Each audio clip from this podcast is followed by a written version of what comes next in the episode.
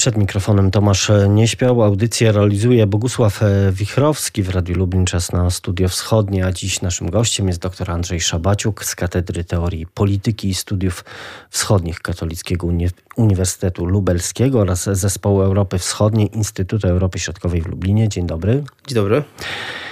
I dziś porozmawiamy o co nie jest jakąś niespodzianką sytuacji na y, Ukrainie. Y, trochę tych wydarzeń w ostatnich dniach i tygodniach się zebrało, ale zacznijmy od tego, że od pewnego y, rodzaju podsumowania, no bo miała być szybka kilkudniowa e, wojna, tymczasem konflikt na Ukrainie trwa już pół roku. E, I na początek w związku z tym e, pytanie, co zdecydowało o tym, że ta wojna trwa? No i coraz częściej słychać, że może potrwać jeszcze wiele miesięcy, a nawet wiele lat. Moim zdaniem przede wszystkim to, czego chyba Zachód nie docenił, czyli krótko mówiąc, Ukraińcy jednak po cichu przygotowywali się do tej wojny. I też e, te szkolenia, które e, przeprowadzano natowskie między innymi e, od lat, w szczególności od 2014 roku i te szkolenia zarówno na Ukrainie, jak i, jak i w państwach natowskich, one swoje e, owoce przynoszą, e, ponieważ Ukraińcy jednak e, no, obawiali się tej, tej agresji na, na większą skalę od dawna. Rosjanie też no, niejednokrotnie używali wojsk przy granicy ukraińskiej jako pewnego takiego argumentu w negocjacjach dyplomatycznych w sprawie Donbasu. Pamiętamy, że przecież rok temu w kwietniu gromadziły się u granic Ukrainy wojska. Już wtedy e, widmo e, wybuchu wojny było realne. Udało się to jakoś załagodzić. E, wiemy, że potem był ten szczyt Biden-Putin, że były, że były rozmowy też z Unią Europejską. Tak więc Ukraińcy nawet w tych ostatnich już tygodniach przygotowywali się na konkretne, na konkretne uderzenie rosyjskie też dzięki tym wiadomościom, które pozyskali między innymi od Amerykanów. Amerykański wywiad poinformował mniej więcej, jakie są plany e, rosyjskie, e, gdzie będzie ten atak e, skierowany.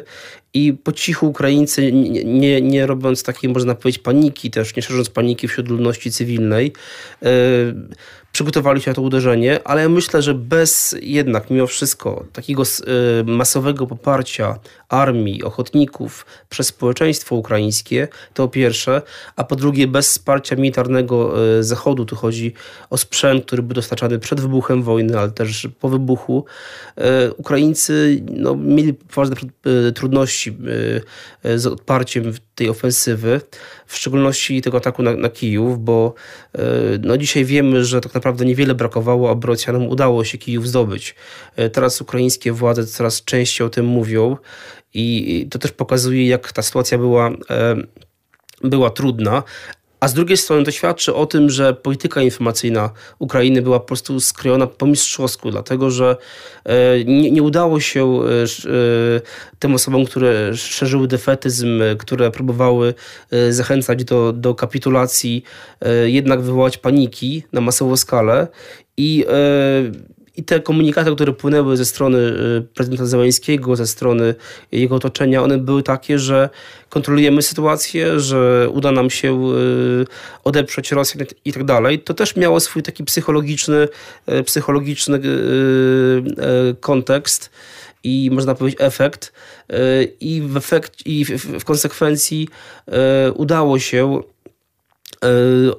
w tym najtrudniejszym momencie, w tych pierwszych dniach, bo one były kluczowe, powstrzymać ofensywę rosyjską, e, a kiedy Zachód zobaczył, że Ukraina jest w stanie skutecznie bronić się przed atakiem rosyjskim, e, zaczęła płynąć powoli e, broń z Zachodu. To było też początkowo, wiadomo, taka niewielka stróżka, bo Zachód też sądował, jaka będzie postawa Rosji, jak ta broń będzie płynęła, ale kiedy, kiedy dostrzeżono, że nawet wysłanie czołgów czy ciężkiego sprzętu nie skutkowało jakąś taką radykalną, ostrą agresją Rosji, bo jak wiemy, Putin y, w momencie wybuchu wojny ostrzegał Zachód, że te państwa, które pomogą Ukrainie, no, spotka, spotka je odpowiedź taka, jakiej nigdy nie było. Tak? Czyli on sugerował wręcz między wierszami, że może nawet dojść do ataku jądrowego. I wiele państw się tego obawiało. I, I też... zresztą do tej pory się obawia. Tak, oczywiście. I, i, i ale jak widzimy, no, trafia na, na Ukrainę coraz więcej ciężkiego sprzętu, czołgów, e, armatohaubic, e, e, wyrzutni rakietowych, a reakcji Rosji takiej radykalnej, ostrej, no nie widzimy. Co najwyżej Rosja deklaruje tylko, że będzie atakowała te, te, te e, transporty jako, jako cele militarne i, i nie będzie to żadnej, żadnej tryfy ulgowej. To, to, poka to pokazuje, e, że e, wiele było w tym, co deklarował Władimir Putin, po prostu takiego blefu i próby zastraszenia Zachodu, która się po prostu nie udała też. No pytanie też, jak długo ten stan może się y, utrzymywać nadal, bo oczywiście ta broń i pomoc Zachodu płynie, ale też y, y, dzięki którym rzeczywiście, dzięki którym y, Ukraina może się y, bronić, ale też y, nie brakuje też takich głosów i są, są kraje, choćby w Niemczech, to widać to takie zmęczenie Y, tą, tą pomocą Ukrainie y, y, są obawy o przyszłość gospodarczą, o choćby w, w wygodnych krajach Zachodu. Pytanie, jak długo Zachodowi wystarczy tej solidarności z Ukrainą? No też bądźmy tak, mówiąc krótko, sprawiedliwi. No Niemcy jednak ogromne środki zainwestowali w Rosji, niemieckie firmy.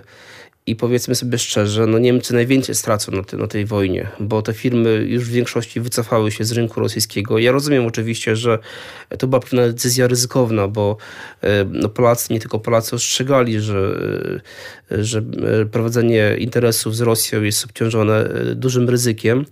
Tym niemniej jednak no dzisiaj też trudno oczekiwać, że Niemcy tak szybko i radykalnie zrezygnują z miliardów euro, które które, które pozyskiwali z e, wymiany handlowej między innymi. No dzisiaj e, przedsiębiorcy, rzemieślnicy niemieccy e, piszą w otwartych listach, że nie chcą rezygnować z tego standardu życia, który przez lata wypracowali, a tak. który no, de facto będzie musiał być w jakimś stopniu ograniczony, zmniejszony ze względu na koszty, które generuje ta wojna dla gospodarki także niemieckiej. Tak, ale warto zwrócić uwagę jedną rzecz. Jak ktoś kiedyś odwiedzał Rosję i y, przemieszczał się po tych dużych miastach Moskwa, Petersburg, to y, często y, rzucały się w oczy takie szyldy zdjęłano w Germanii, czyli zrobiono w Niemczech. To była taka reklama, można powiedzieć, sama w sobie, czyli dla przeciętnego Rosjanina, jeżeli coś jest niemieckie, to jest na pewno dobrej jakości i będzie na lata. I tutaj ta, ta renoma niemieckich produktów, ona była w Rosji, ona była o wiele wyższa w Rosji na przykład niż w Polsce. I e, dzięki temu ten biznes niemiecki miał naprawdę e, bardzo dochodowe e, kontrakty z, podpisywane z Rosją. I dzisiaj to jest poważny problem, bo z jednej strony y, rynek rosyjski był otwarty na produkty niemieckie, a z drugiej strony pozyskiwano tanie surowce węglowodorowe. Ja nie chcę usprawiedliwiać Niemiec, tylko y, ja rozumiem, że to jest dla nich bardzo trudne w tym momencie zrezygnowanie z takich ogromnych korzyści. Jak Pan to zauważył, no problem będzie taki, że no te straty będą na tyle duże, że wiele branż odczuje to bardzo boleśnie a przede wszystkim to jest kwestia tych y, skoków cen surowców energetycznych. W Polsce już obserwujemy, że część zakładów zawiesza produkcję nawozów sztucznych, nie tylko nawozów sztucznych. Y, I to jest dopiero początek, bo te ceny będą y, jeszcze rosły. W Niemczech jest jeszcze większy problem, bo e, Niemcy były o wiele bardziej uzależnione od dostaw gazu, e, od dostaw e, surowców energetycznych z Rosji i szybko nie da się znaleźć jakiegoś alternatywnego źródła dostaw.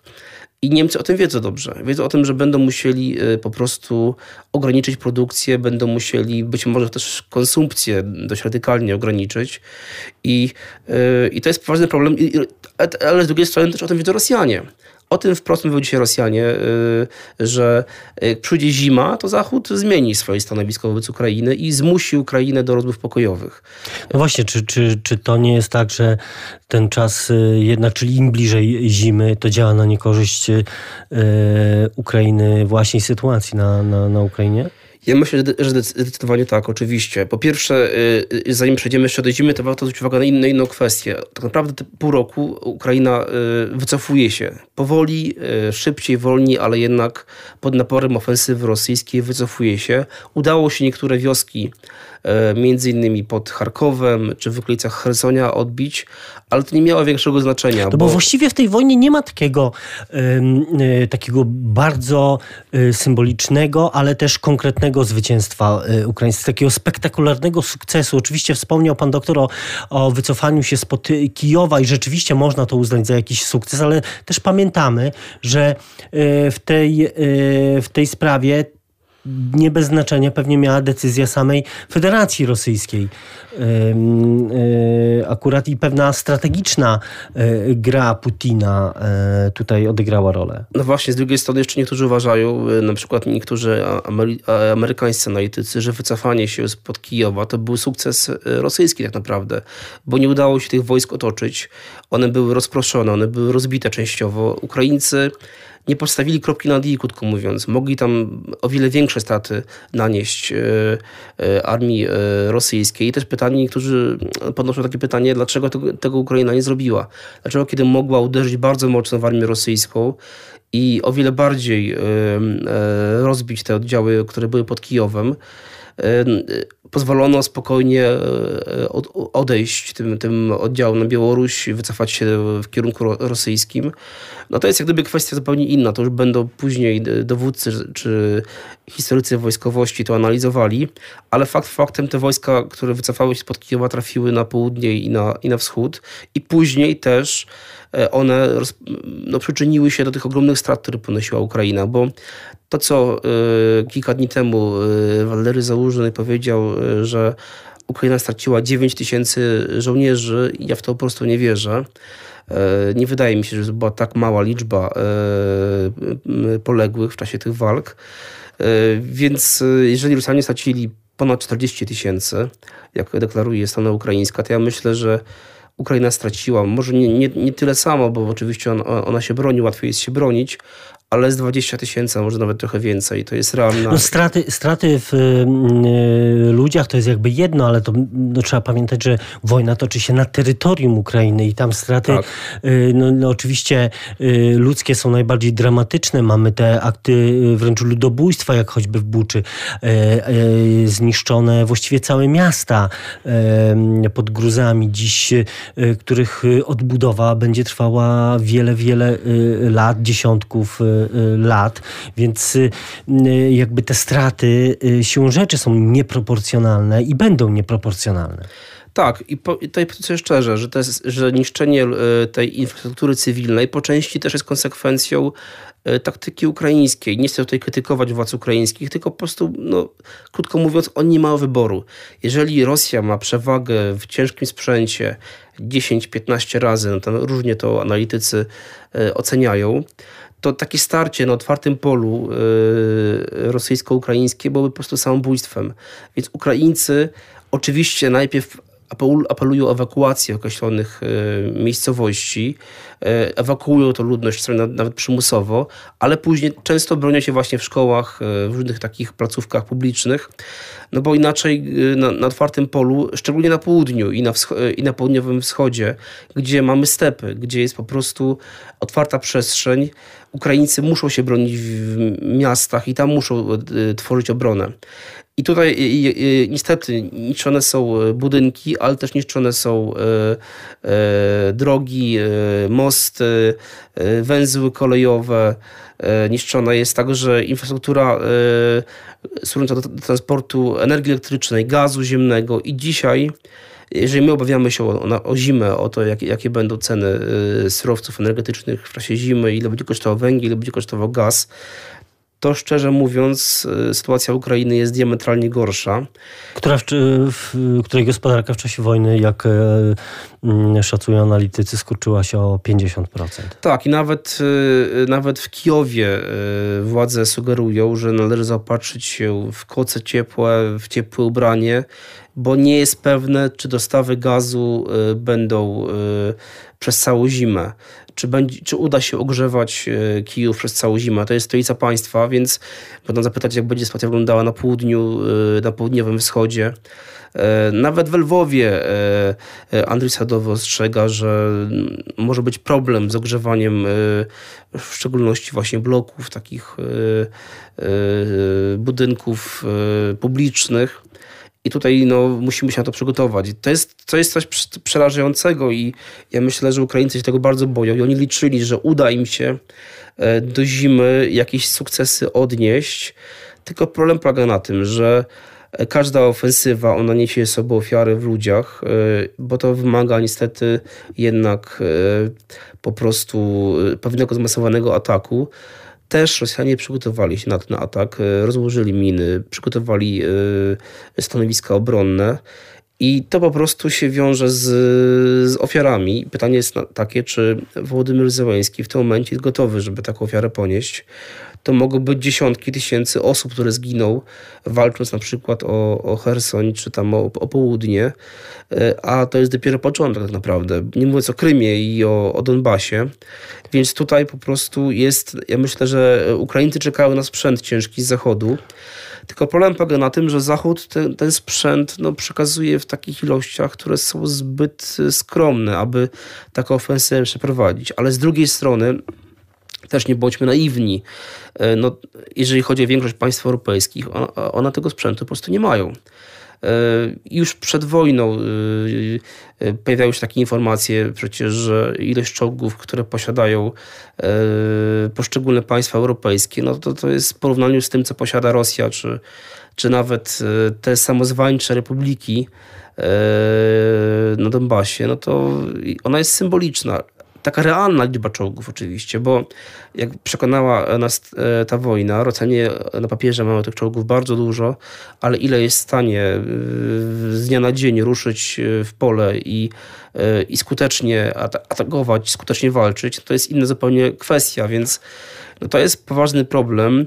E, Zachód nie ma też zapasów amunicji, e, jak się okazało, na tyle dużych, aby móc bez uszczerbku dla własnej obronności przekazać się Ukrainie. Chociaż to też nie jest tak, że, e, że ta ogromna przewaga rosyjska też jest taka bezwarunkowa, no bo słyszymy o tym, że Rosja też sięga po, po pomoc choćby z tych republik zajętych w Gruzji, prawda, czy Abchazja, Osetia e, Południowa, e, a nawet zdaje się nawet e, posiłki z Syrii próbuje ściągnąć i zaangażować do, do tej wojny. Nie mówiąc już o, o też często propagowanym tym nadwątlonym, delikatnie mówiąc, morale żołnierzy rosyjskich. To prawda, ale z drugiej strony ona ma zapasy różnego rodzaju amunicji, rakiet i wiemy o tym, bo o tym się od dawna już mówi, że używane na przykład są rakiety e, przeciwokrętowe e, do celów lądowych. Teraz masowo używane są na przykład e, rakiety przeciwlotnicze. Te systemy S-300, S-400, one nie są wykorzystywane do, do zestrzeliwania samolotów ukraińskich, chociaż też oczywiście, ale na przykład ostrzeliwane są z nich e, e, duże miasta ukraińskie, na przykład Charków, e, Mikołajów, i to powoduje, że e, one są oczywiście nieprecyzyjne, one mają duży rozrzut, bo one nie były stworzone do tego, aby atakować cele naziemne. Ale jednak niestety e, na masową skalę używane, one mogą wyrządzić ogromne szkody, a zapasy amunicji przeciwlotniczej Rosja ma duże. I to tak wygląda, że kończą im się e, pocisk, rakiety do, do Iskanderów, wykorzystują na przykład broń przeciwokrętową albo przeciwlotniczą. I niestety tutaj Ukraina ma e, znacznie mniejsze zapasy e, rakiet niż Rosja. Oczywiście, no możemy powiedzieć, że te rakiety precyzyjne typu kalibr chociażby, ich jest coraz mniej ale Rosjanie też chyba nie przejmują się tym, że te rakiety są nieprecyzyjne. Wolą zrzucić ich więcej i nie martwią się tym, że zniszczono więcej budynków, czy zginęło więcej ludności cywilnej. To jest też taka taktyka terroryzowania po prostu ludności cywilnej, zmuszenia jej do opuszczenia, taka taktyka spalonej ziemi. I Ukraińcy, no, y, oni najwięcej teraz tracą żołnierzy i ludności cywilnej w wyniku y, ostrzałów, y, czy to rakietowych, czy artyleryjskich, nie w wyniku takich bezpośrednich walk. Więc to jest poważny problem, bo Ukraina nie jest w stanie w tym momencie odpowiedzieć, odpowiedzieć na ataki e, rosyjskie w takim stopniu, w jakim, e, jakiego wymagałaby sytuacja. E, I powiem szczerze, że no ta, ta przewaga jest mimo wszystko, mimo tych ataków przy użyciu Himarsów, przy użyciu tych armatochaubic, które między innymi z Polski trafiły na Ukrainę, ta przewaga jest tak duża, że no, jak mówiłem, 1 do 10 mniej więcej. Chociaż teraz część analityków uważa, że ta intensywność ataków rosyjskich spadła między innymi dzięki, dzięki tym precyzyjnym atakom z Himarsów, ale to jest dalej 1 do 5. Więc na jeden, na jeden e, wystrzał ukraiński jest 5 rosyjskich. To pokazuje jednak, jaki to jest poważny problem. A też szybko takiej ilości amunicji i sprzętu no nie da się przerzucić na wschód. E, I e, to też są też środki finansowe, które musi wyłożyć Zachód. E, wiemy, ile Amerykanie przekazali już ponad 10 miliardów dolarów, e, a to jest dopiero początek. E, Unia Europejska oczywiście znacznie mniej, czy państwa Unii Europejskiej znacznie mniej, ale to jest w każdym, w każdym przypadku to jest dyskusja wewnątrz państwa. Dlaczego mamy przekazywać, nie wiem, ileś tam milionów czy miliardów na Ukrainę? Dlaczego nie, nie przekazać tych pieniędzy na pomoc osobom poszkodowanym przez przez skutki wojny. I to jest, to jest niestety też, to są uroki demokracji, że taka, taka pomoc, ona ma też swoje konsekwencje, jeżeli chodzi o później, czy może mieć konsekwencje, jeżeli chodzi później o wynik wyborczy danej partii. No właśnie, tutaj też e, polityka ma znaczenie, polityka na e, użytek wewnętrzny. Oczywiście ta solidarność z Ukrainą e, jest. O tej solidarności dziś rozmawiamy. Ja przypomnę, jest naszym gościem jest dzisiaj dr Andrzej Szabaciuk z Katolickiego Uniwersytetu Lubelskiego i Instytutu Europy Środkowej w Lublinie. Do naszej rozmowy w studiu wschodnim wracamy za kilka chwil. W studiu wschodnim wracamy do e, rozmowy. Dziś naszym gościem jest dr Andrzej Szabaciuk z Katedry Teorii Polityki i Studiów Wschodnich KUL i Zespołu Europy Wschodniej Instytutu Europy Środkowej w Lublinie. Rozmawiamy o e, tych półrocznych doświadczeniach wojennych e, Ukrainy, chociaż właściwie Chcąc być precyzyjnym, należy y, przypomnieć, że ta wojna de facto trwa od 2014 y, roku i w tych okolicznościach y, w mijającym tygodniu Ukraina i Ukraińcy świętowali Dzień Niepodległości. No, 31. rocznica, wyjątkowa absolutnie. I także z tej okazji prezydent Ukrainy Wołodymyr Załański mówił, że przez ostatnie pół roku Ukraina się zmieniła, przez sześć miesięcy zmieniliśmy historię historię, zmieniliśmy świat i zmieniliśmy się sami. Teraz dobrze wiemy, kto naprawdę jest naszym bratem i przyjacielem, a kto przypadkowym znajomym, mówił e, prezydent Zełański. No i jakby dowodem na, na, na te słowa jest e, e, wizyta prezydenta Andrzeja Dudy w przeddzień tegoż święta. Wizyta, która towarzyszyła forum Platformy Krymskiej, ale też wizyta przy, podczas której doszło do takiego symbolicznego gestu, czyli odsłonięcia tablicy z nazwiskiem prezydenta Andrzeja Dudy mm, w Alei Odwagi, jako pierwszego nazwiska e, właśnie polskiego prezydenta. E, tam tablica została e, wmurowana. No, symboliczny, ale jednak niezwykle istotny gest. Ja myślę, że to jest po części taka, takie trochę próba taka wyeksponowania tego wkładu całej Polski jednak w pomoc Ukrainie. Też dodajmy, że ambasada polska była chyba jedyną ambasadą, która nie ewakuowała się z Kijowa. Przez... Ambasador Cichocki, tak, zawsze, e, cały, cały czas e, przez e, od początku wojny był, był w Kijowie, udzielał wywiadów e, i, i zapewniał, że nigdzie się nie wybiera, żeby właśnie podkreślić ten symboliczny, ale istotny gest dla, także dla Ukraińców. Tak, i to też wiele znaczyło dla, dla Ukraińców i pomoc, która też, dodajmy, że ta pomoc była taka, jakiej oczekiwali Ukraińcy. Czyli krótko mówiąc, Ukraińcy też nie mieli jakichś nierealnych żądań od, od poszczególnych państw. Mniej więcej orientowali się, w czym może pomóc poszczególne państwo. I zauważmy, że ta wizyta prezydenta Dudy w Kijowie, ona miała to część nieoficjalną także. I tutaj no, Polacy bardzo aktywnie i można powiedzieć też umiejętnie wspierają Ukraińców, e, bo udzielają pomocy humanitarnej i militarnej. E, I ta pomoc jest e, no, nieoceniona, bo ilość czołgów, e, ciężkiego sprzętu, który trafił na Ukrainę jest, e, jest, jest, znaczna. No, Polacy chyba są największym jednak dostawcą ciężkiego sprzętu. E, nawet więcej chyba tego sprzętu naszego ciężkiego trafiło niż sprzętu amerykańskiego. Oczywiście no, sumarycznie pomoc y, amerykańska jest znacznie, znacznie większa, y, ale to są koszty też tych drogich rakiet, tych drogich systemów rakietowych. One po prostu są no, ogromne, więc dlatego też pomoc amerykańska jest nieporównywalna z Polską, ale jeżeli chodzi o ilość ciężkiego sprzętu, to przekazaliśmy najwięcej. Też pomoc osobom, które musiały uciekać z Ukrainy i, i znalazły w Polsce schronienie. E, to jest też chyba bez precedensu, e, jeżeli chodzi o, o powojenną historię e, Europy. W takim krótkim czasie tak dużej ilości osób nie przyjęło chyba żadne państwo. I to jest też symboliczne, bo te osoby nie są, y, nie mieszkała w jakichś obozach, w jakichś takich, można powiedzieć, y, instytucjach odosobnienia, tylko często właśnie... No, pamiętamy, jak, jaki był kryzys, poprzedni kryzys migracyjny, kiedy prezydent Turcji Erdoğan dostawał miliardy euro na, na e, no, przyjęcie na, tej, na tym e, pierwszym odcinku e, migrantów i, i umieszczał ich właśnie w takich obozach, w kontenerach.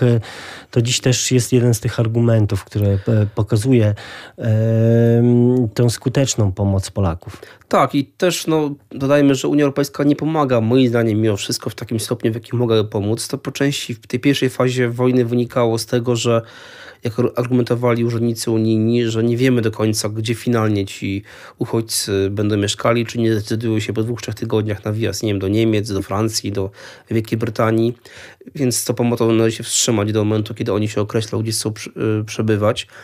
Ale Prawda jest taka, że większość jednak y, wysiłku i finansowego także, y, pomocy uchodźcom z Ukrainy wzięła na siebie Polska i polskie społeczeństwo. Polacy też bardzo hojnie wspierali i wspierają osoby potrzebujące. Ja myślę, że to jest przykład solidarności, jakiego naprawdę od, od wielu, wielu lat w Polsce chyba nie było. I prawda jest też taka, że Ukraina no, będzie potrzebowała tej, tego wsparcia, bo ta wojna, jak mówiliśmy, ona się szybko nie zakończy. Najbliższe miesiące będą bardzo trudne. Tutaj apel e, arcybiskupa Mokrzyskiego, to okruszki ze stołu e, naszego, aby, aby je przekazać potrzebującym z Ukrainy. Taki można powiedzieć trochę e, no, desperacki apel. Pokazuje w jakiej trudnej sytuacji są też wspólnoty wyznaniowe na Ukrainie. Prawda jest taka, że kiedy, kiedy E, te problemy e, są ogromne i ludność nie jest w stanie ich, e, im sprostać, to właśnie Kościół katolicki i ogólnie kościoły wspierały najbardziej te osoby potrzebujące na Ukrainie, osoby wewnętrznie przesiedlone. Także między innymi, jeżeli chodzi o Kościół katolicki za, za pośrednictwem Caritasu. Więc to są problemy ogromne. Ukraina sama sobie z tym nie poradzi na pewno. Bez pomocy Zachodu nie jest w stanie na dłuższą metę bronić się przed atakami rosyjskimi a y, upadek Ukrainy to jest tak naprawdę diametralna zmiana sytuacji bezpieczeństwa, nie tylko w Europie Środkowo-Wschodniej, ale ogólnie myślę, że w skali globalnej. Zdaje się też, że y, doskonale rozumieją to, choćby właśnie uczestnicy tego ostatniego forum Platformy Krymskiej, na którym też y, no, padły bez wątpienia ważne, też symboliczne, ale ważne słowa, czyli wezwanie Rosji do natychmiastowego i bezwarunkowego wycofania wszystkich swoich sił zbrojnych z całego terytorium w granicach y, uznanych przez społeczność międzynarodową. Mówię tutaj o granicach y, Ukrainy. Zresztą też prezydent Andrzej Duda wprost y, powiedział, Krym musi być zwrócony Ukrainie, Rosja łamie prawo międzynarodowe, to jest rosyjska napaść, brutalna, z pogwałceniem wszystkich zasad. Jeśli ta wojna ma się zakończyć, to tym, że Rosja zostanie wyparta ze wszystkich okupowanych terenów i Ukraina będzie mogła wrócić do normalnego funkcjonowania. To prawda, tylko problem polega na tym, że jeśli chodzi o stronę rosyjską, ostatnio o tym mówił między innymi yy, yy, Sergiej Szojgu. Yy, on mówił o tym, że ta ofensywa rosyjska, ona jest dlatego spowolniona, że nie chcemy atakować celów cywilnych. I o tym mówią Rosjanie zresztą od samego początku wojny, tak, że gdyby, nie, gdyby mogliby szybciej y, zająć Ukrainę, tylko musieliby w większym stopniu atakować cele cywilne. To jest oczywiście nieprawdą, wiem o tym y, bardzo dobrze, ale to pokazuje też, że do społeczeństwa rosyjskiego jest kierowany taki komunikat, że ta wojna będzie zwycięska, tylko że będzie trochę dłuższa, tak? Czyli my się posuwamy metr, kilometr, ale posuwamy się do przodu. Ukraińcy się wycofują. I to jest niestety prawda. I, i Teraz y, mamy informację o, mobilizacji, czyli o, o, o, zwiększeniu poboru o 137 tysięcy y, do armii rosyjskiej, która ma być przeprowadzona w tym, y, w tym półroczu. To też pokazuje, że Władimir Putin i jego otoczenie nie mało zamiaru ustępować, nie mało zamiaru zmniejszyć intensywności ataków na Ukrainę. Przeciwnie, szykują się do, do zwiększenia intensywności tych ataków. Więc Ukraina musi też jak najszybciej ten sprzęt ciężki z Zachodu pozyskać, aby stawić czoło y, tym wojskom y, rosyjskim. W tym momencie, jeżeli chodzi o, o żołnierzy, to na Ukrainie walczy trzy razy więcej żołnierzy ukraińskich y, niż rosyjskich. Czyli Ukraińcy mają w żołnierzach przewagę trzykrotną. Liczebną. Liczebną, tak, ale jeżeli chodzi o sprzęt, no to jest sytuacja diametralnie inna.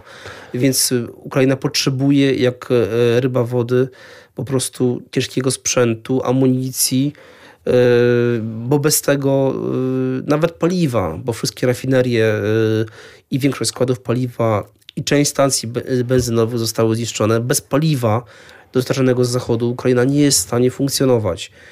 Ukraińska gospodarka, ukraińskie wojsko więc to jest e, sytuacja bardzo trudna i my też musimy mieć tego świadomość, że, że e, konieczne będzie wspieranie Ukrainy w takim długookresowym e, w takiej długookresowej perspektywie, to po pierwsze, a po drugie też nawet jak się ta wojna zakończy, to na odbudowę pójdą ogromne środki, a Ukraina sama nie jest w stanie tego po prostu udźwignąć. Będzie potrzeba, potrzebny taki plan Marszala 2.0, który w jakiś sposób pomoże Ukraińcom wyjść z tej trudnej sytuacji. Sytuacja Ukrainy i Ukraińców jest y, y, bardzo trudna, wyniszczająca e, wojna, e, ale też e, takie wydarzenia, można powiedzieć incydenty, które też niosą za sobą pewien rodzaj zagrożenia, mogą stanowić jakiś pretekst do kolejnych uderzeń ze strony Federacji Rosyjskiej, jak choćby mm, śmierć Darii Duginy, czyli córki Aleksandra Dugina, która zginęła w, w ubiegłą sobotę pod Moskwą w wyniku eksplozji samochodu. No i oczywiście pojawiły się różnego rodzaju teorie, hipotezy w, w tej sprawie. Zresztą FSB kilka dni po śmierci Duginej informowało o tym, znaczy oświadczało, że, że zbrodnie i oskarżało e, ukraińskie służby specjalne o e, przygotowanie i przeprowadzenie tego y, zamachu, e, pomijając już oczywiście te, te fakty, kto stał za, e, za tym zamachem, e, to oczywiście na pierwsze strony gazet znów powróciło, można powiedzieć, nazwisko Aleksandra Dugina, czyli naczelnego ideologa Kremla, jak mówią niektórzy, mózgu Putina, a, a przez niektórych określany to człowiek jako kremlowski prorok, czy, czy wręcz współczesne wcielenie Rasputina. Kim jest y, Aleksander Dugin? Ja myślę, że e, tutaj oczywiście oceniając e, samego Aleksandra Dugina, jego wpływ na politykę Rosji, no nie możemy przeceniać y, jego roli. Przede wszystkim Dugin jest taką postacią bardzo medialną, bardzo popularną, która e, w społeczeństwie rosyjskim jest osobą znaną. Też z powodu swoich poglądów, poglądów które e, od lat 90. budzą duże kontrowersje, bo to są poglądy takie, można powiedzieć, dość specyficzne, bo to jest połączenie nacjonalizmu z jakimś takim specyficznym rosyjskim mistycyzmem, przeświadczeniem o tym, że Rosja ma do wypełnienia jakoś, jakąś misję, specjalną rolę. No te, te, te, jego główne tezy, jego przesłanie to, to, to Rosja będzie wielka albo żadna, albo kto kontroluje Eurazję, kontroluje świat. Tak, to jest tak naprawdę nawiązanie do, e, do tych koncepcji geopolitycznych wcześniejszych niemieckich czy anglosaskich. Tylko, że to jest XIX wiek, my żyjemy w XXI wieku i, i te koncepcje one straciły już moim zdaniem na aktualności. Ale takim można powiedzieć kluczowym przesłaniem Dugina to jest to, że mamy do czynienia z rywalizacją między e, kontynentem i, i, i imperium morskim, czyli Stanami Zjednoczonymi i Wielką Brytanią. I e, on uważa, że to jest też walka o charakterze, można powiedzieć, takim moralnym, etycznym. Czyli to jest walka z imperium zła, a jego zdaniem imperium zła to jest właśnie obecnie, są obecnie Stany Zjednoczone, to jest Zachód, bo całe zło, e, które trafiło do Rosji, trafiło z Zachodu. Alkoholizm, narkomania, prostytucja i 100 tysięcy innych rzeczy, które, e, korupcja i tak dalej. Tego oczywiście rzekomo przed e, wpływami Zachodu nie było w Rosji. Rosja i, i Rosjanie są silni duchowo i tak dalej, i tak dalej. No dobrze, to jest jego teoria. Zresztą zdaje się geopolityka e, Rosji jest uniwersyteckim podręcznikiem nawet. Natomiast no, pytanie jest, czym Dugin w takim razie uwiódł Putina? Ja myślę, że to jest nie do końca tak, bo Dugin jest też bardzo poważnym krytykiem Putina. To też trzeba podkreślić, że jego praca na MGU w Moskwie, na tym Państwowym Uniwersytecie Moskiewskim, ona zakończyła się w 2014 roku. Niektórzy sugerują, że ona się zakończyła dlatego, że on wzywał do mordowania Ukraińców. Ale prawda jest taka, że on, e, wzywając do mordowania Ukraińców, krytykował przede wszystkim Putina, że on tego nie robi. Więc ta ostra, brutalna krytyka Putina, który obserwujemy w niektórych środowiskach nacjonalistycznych obecnie także.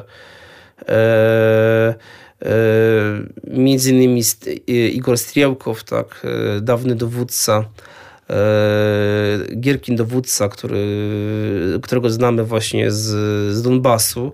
On teraz jest też gwiazdą medialną w Rosji i, i zasłynął właśnie z krytyki armii rosyjskiej i krytyki Władimira Putina za nieudolność w czasie tej, tej e, tak zwanej specjalnej operacji wojskowej. Teraz ponoć walczy e, pod Chersoniem e, z armią ukraińską, ale pytanie jest takie, czy on tam walczy dobrowolnie, czy dostał jakieś ultimatum od władz rosyjskich, albo idzie na front, albo idzie do więzienia. Bo prawda jest taka, że gdyby zwykły obywatel rosyjski tak krytykował władzę, jak krytykuje Dugin, czy, czy chociażby właśnie Strielkow, to wtedy no, trafiłby do więzienia ich, ich e, nie wsadzono do więzienia tylko z tego powodu, że to są osoby bardzo medialne, bardzo znane. Ale kto wie, czy z zamachem na e, właśnie Dugina, bo to był zamach na Dugina tak naprawdę, a nie na jego córkę, bo jego córka, ona nie ma żadnego znaczenia, jeżeli chodzi o, e, o jednak te środowiska nacjonalistyczne, o te środowiska radykalne.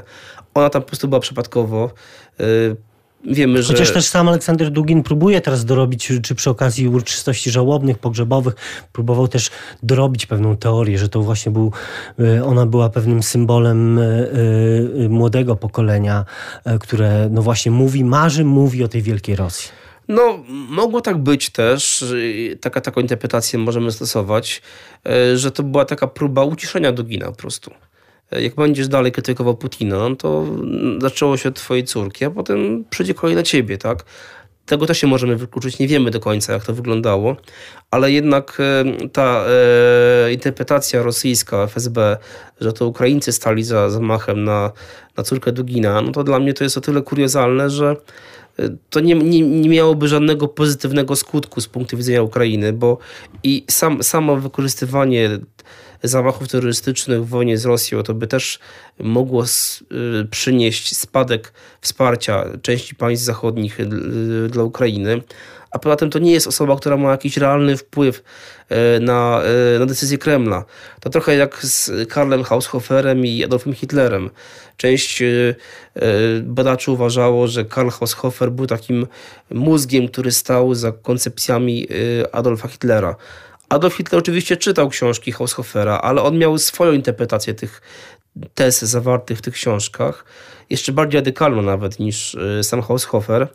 I ciężko mówić, że on gdyby tylko i wyłącznie kierował się tym, co pisał Haushofer. On tak naprawdę miał własną wizję i był takim narcyzem, bo zobaczmy też, co, co łączy Hitlera i Putina. W pewnym momencie, kiedy, kiedy walki na, na froncie wschodnim nie, nie, nie toczyły się po myśli Hitlera, on sam w pewnym momencie przejął dowództwo nad częścią wojsk walczących przeciwko Związkowi Radzieckiemu. Teraz, zgodnie z doniesieniami wywiadu brytyjskiego, sytuacja jest podobna, że część wojsk, przynajmniej część wojsk, jest pod bezpośrednim dowództwem Władimira Putina. E, czyli on wydaje polecenia, on wydaje rozkazy. Jeżeli to jest prawda, to pokazuje, że Władimir Putin nie ufa nikomu, e, że Władimir Putin uważa, że on sam musi tę wojnę zakończyć i że należy tutaj z, zmusić armię, zmusić społeczeństwo do, e, do mobilizacji, do, do szybkiego zakończenia tej wojny, ale widzimy, że to nie przynosi E, żadnego pozytywnego efektu. Tak samo jak dowództwo Hitlera nie przyniosło żadnego pozytywnego efektu w walkach z Związkiem Radzieckim, a nawet odwrotnie było. Tak samo teraz. No, e, po prostu e, on nie jest zawodowym żołnierzem, on nie jest osobą, która jest na miejscu i wie, jak ta sytuacja wygląda na miejscu. Więc często te polecenia mogą być oderwane od rzeczywistości. One mogą opierać się na nie do końca e, prawdziwych doniesieniach z pola walki. Więc to jest kluczowy problem, że Dugin próbował, czy apelował do, do Władimira Putina o to, aby on y, w sposób radykalny, brutalny nie tylko pokonał Ukrainę, ale stary z powierzchni ziemi. Ukraina, Polska, Białoruś i szereg innych państw w tym regionie jego zdaniem nie powinny istnieć. Idealny, idealny scenariusz to jest powrót do granicy niemiecko-rosyjskiej, jak to miało miejsce w przyszłości, tak? Czyli musimy stworzyć taką sytuację w Europie Środkowo-Wschodniej, żeby Rosja graniczyła bezpośrednio z Niemcami. E, I to będzie gwarancją bezpieczeństwa, nie tylko bezpieczeństwa e, Rosji, ale też to będzie początek współpracy, bo on liczy bardzo mocno na współpracę niemiecko-rosyjską. Więc ja myślę, że mimo wszystko e, Władimir Putin jest w tym momencie bardzo wyczulony na krytykę. Jeżeli jeszcze w 2014-2015 roku mógł tolerować pewne tak, tego typu zachowania, Teraz e, obserwujemy, że wiele osób z menadżerów Gazpromu czy innych spółek, spółek, państwowych rosyjskich ginie w niewyjaśnionych okolicznościach. Wielu generałów rosyjskich trafiło do więzienia. Wielu pracowników FSB trafiło do więzienia. Więc Putin jest zdeterminowany. On wszelką formę krytyki czy też nieskuteczności, niesprawności on karze bardzo brutalnie i po cichu. Więc e, ja myślę, że tutaj problem jest taki, że Dugin on po prostu e, zapomniał w jakim państwie funkcjonuje i Władimir Putin mu to po prostu e, po cichu przypomniał. Naszym gościem był dr Andrzej Szabaciuk z Katedry Teorii Polityki i Studiów Wschodnich Katolickiego Uniwersytetu Lubelskiego oraz e, Zespołu Europy Wschodniej Instytutu Europy Środkowej w Lublinie. Bardzo dziękuję. Dziękuję, kłaniam się nisko. I to wszystko w naszym programie na dzisiaj. Za uwagę dziękuję Tomasz Nieśmiał i Bogusław Wichrowski. Studio Wschodnie wraca na antenę Radia Lublin za tydzień. Do usłyszenia w następną niedzielę po godzinie 14.